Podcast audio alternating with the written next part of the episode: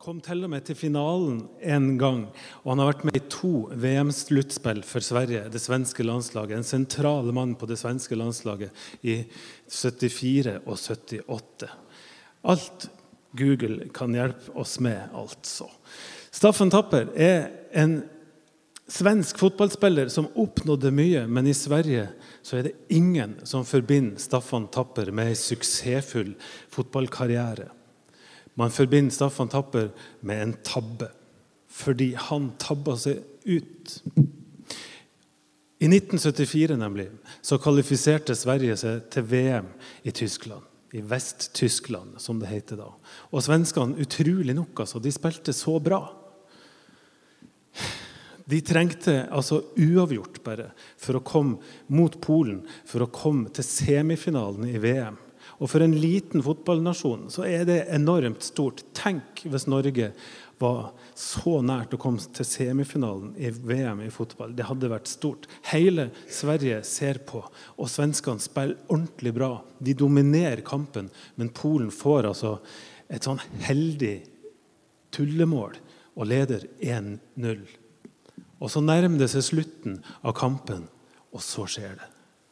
Sverige får straffe. Staffan Tapper tar med seg ballen, går bort til krittmerket, tar rennafart. Og så sender han av gårde ei lompe rett i fanget på den polske keeperen, som har kasta seg til høyre og tok den lett som ingenting. Dette er det eneste svenskene forbinder med Staffan Tapper. Og jeg har en kompis på min alder, en sportsinteressert svenske, som heter Peter. Og Jeg måtte sjekke om det er sant. Vet dere virkelig hvem han er? Så jeg spurte han her om dagen du Peter, vet du hvem Staffan Tapper er. Og da så han meg bare inn i øynene og sa om jeg vet hvem Staffan Tapper er. Han er jo landsvikeren. Han er forræderen. Han tålte ikke presset. Det han gjorde, er uopprettelig uopprettelig. Det, hvis det å svikte totalt har et ansikt i Sverige, ja, så er det Staff, eh, tapp, eh, Staffan Tapper. Og dessuten så kaller vi han ikke for det lenger. Vi kaller han bare for Tappan Straffer. Og jeg er ikke så god i svensk, men heter du Tappan Straffer, så er ikke det sånn kjempesjarmerende kallenavn å gå og bære på resten av livet. Men er ikke det urettferdig? Jeg mener, Her har fyren gjort ei kjempefin karriere. Og så er det én enkelt hendelse som har ødelagt alt. Og ifølge min svenske venn Peter så er tabben uopprettelig. Det kan ikke bli ordna i. Og denne uka, når jeg har jobba med den teksten som Iselin leste, så har jeg tenkt at sånn kunne det fort gått med Peter også. Altså ikke min svenske kompis Peter, men Peter, disippelen til Jesus. Også han kunne blitt huska for sin store tabbe, for han gjorde en sånn ordentlig blemme som var helt uopprettelig. I hvert fall virka det sånn. Og så gikk det ikke sånn. Tabben var ikke det vi huska han for. Vi husker han i stedet for som en av de største, kanskje den største, i kirkas historie. Det er det som er hans ettermæle. Dere som var her forrige mandag, på påskegudstjeneste, dere husker kanskje hvor dramatisk det var da Peter svikta Jesus. Peter han hadde begynt å skjønne at nå skal Jesus lide, og han skal dø. Og Han er en av de få som virkelig skjønner at nå er det noe ordentlig alvorlig på gang. og Peter ser seg litt rundt på disippelgjengen og så tenker han, det er ikke så mange Jesus kan stole skikkelig på her, men han kan stole på meg. Og Så sier han det til Jesus. 'Herre, jeg er villig til å dø med det. Jeg kan gå i fengsel med det.' Og så får han til svar at du kommer til å svikte meg. Og så Rett etter dette her, så blir Jesus tatt til fange. Han blir sendt i noen intense avhør, forhør. Først hos lederen til øversteprestene, som heter Annas. Deretter over gårdsplassen til han som var øversteprest i påska, denne påska. Han heter Kaifas. Og på denne gårdsplassen, som alle disse forhørene skjedde rundt, der satt Peter. Han hadde faktisk fulgt med Jesus helt fram dit. Det var det ingen av de andre disiplene som hadde tort. Men nå ble han altså gjenkjent. Og når mesteren sitter arrestert og blir forhørt, ja, da er det farlig å bli identifisert med Jesus. Så når noen spør han, er ikke du en av disiplene hans, så sier Peter nei, det er jeg ikke. Jo, sier de. Vi kjenner jo igjen, vi kjenner det igjen. Vi kjenner igjen dialekta di. Du kommer nordfra. Du er nordlending. Du er fra Galilea. Og Dessuten har vi sett det sammen med han. Og Da er det at Peter skjønner at dette begynner å bli farlig. Presset blir for stort. Så han bannes og sverter, tar fram et språk han kanskje aldri har brukt. Og så sverger han på tre ganger at han aldri har kjent Jesus. Og mens han står der og bannes og sverter og sverger, så er forhøret hos Kaifas over, og de fører Jesus over gårdsplassen til et nytt forhør. Og han gal. Og Da kan vi lese at Jesus vendte seg, og så så han på Peter. Kan dere tenke dere for en situasjon? Da blikkene møttes. Hva tror dere for gjennom tankene og hjertet og kroppen til Peter da? Det må ha vært så tøft. Hvordan kunne svikt så fundamentalt? Dette er min livs tabbe. Dette klarer jeg aldri å gjenopprette. Og Så kan vi lese at Peter gråt bittert, og så dro han derifra. Det kunne se ut som dette var enden på historien. Og ettermælet til Peter det kunne vært mannen som svikta da det gjaldt som mest. Mannen uten ryggrad, mannen som tabba seg ut. Og så vet vi at sånn ble det ikke. De neste dagene er en sånn følelsesmessig berg-og-dal-bane i Peters liv. Jesus blir drept dagen etterpå. Han blir hengt på et kors og lagt i ei grav. Og sorgen er ikke til å holde ut. Peter er nede. Tredje dagen så er grava tom. Jesus er ikke der. Han har stått opp. Og så viser han seg til disiplene sine to ganger. Han går til dem gjennom låste dører. Plutselig bare står han der. Og så er sorgen erstatta med undring og med glede. Og Nå har det gått enda noen dager, og flere av disiplene har dratt til Tiberiassjøen for å fiske. Og så får de ikke fisk. Og så møter de den oppstandende Jesus for tredje gang. Jesus står på stranda og sier, 'Får dere ikke fisk?' 'Nei, ja, men kast over garnet på andre sida av båten', da. Og så gjør de det, og så er båten smekkfull av fisk. Så ror de inn til land. Og der har Jesus gjort i stand et måltid til dem. Så sitter de og spiser. Jesus spiser sammen med dem. Det er kun et oppstått menneske.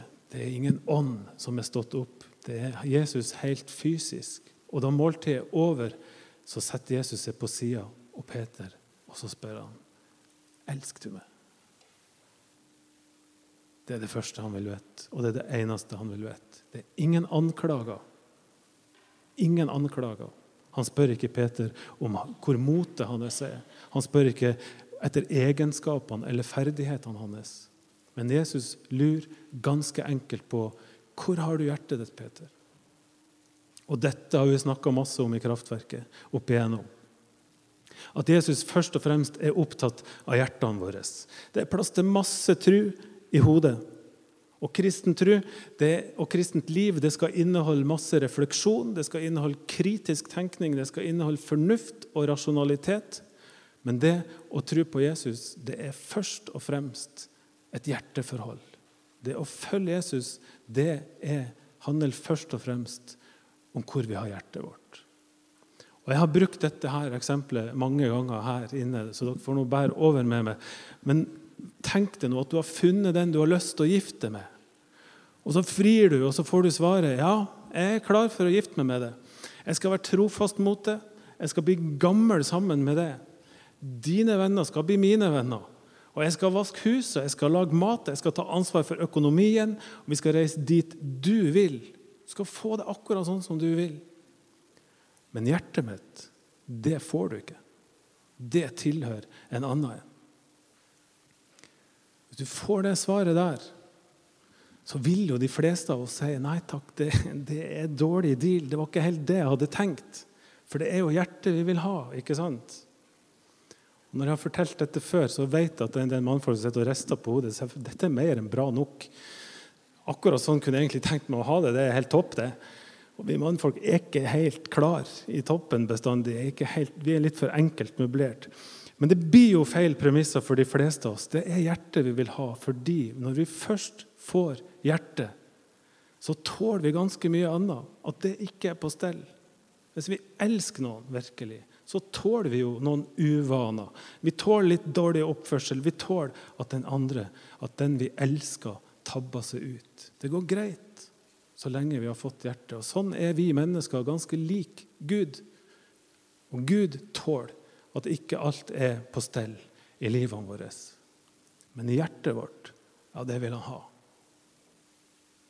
Og nå sitter Jesus og Peter der rundt bålet, og så gir Jesus Peter muligheten til å gi hjertet sitt til Jesus.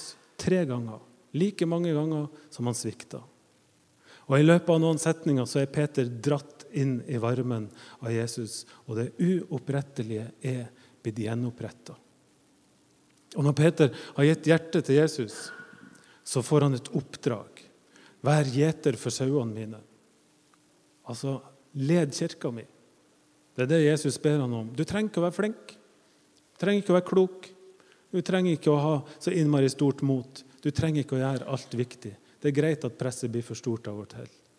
Jeg trenger bare at du elsker meg. Det er det Jesus sier når han gir dette oppdraget.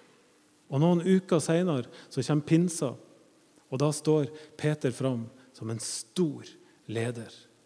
På pinsedagen så holder han altså en tale, og 3000 mennesker blir frelst. Og den første kristne kirka er et faktum. Og Peters rolle er udiskutabel. Han er den store lederen, altså, enkelt og greit. Både i samtida si og for all ettertid. Peter er en, kanskje den største i kirkehistoria, til tross for sin store, store tabbe. Alle tabber seg ut. Sånn er det. De fleste av oss har litt av hvert av tabber i bagasjen.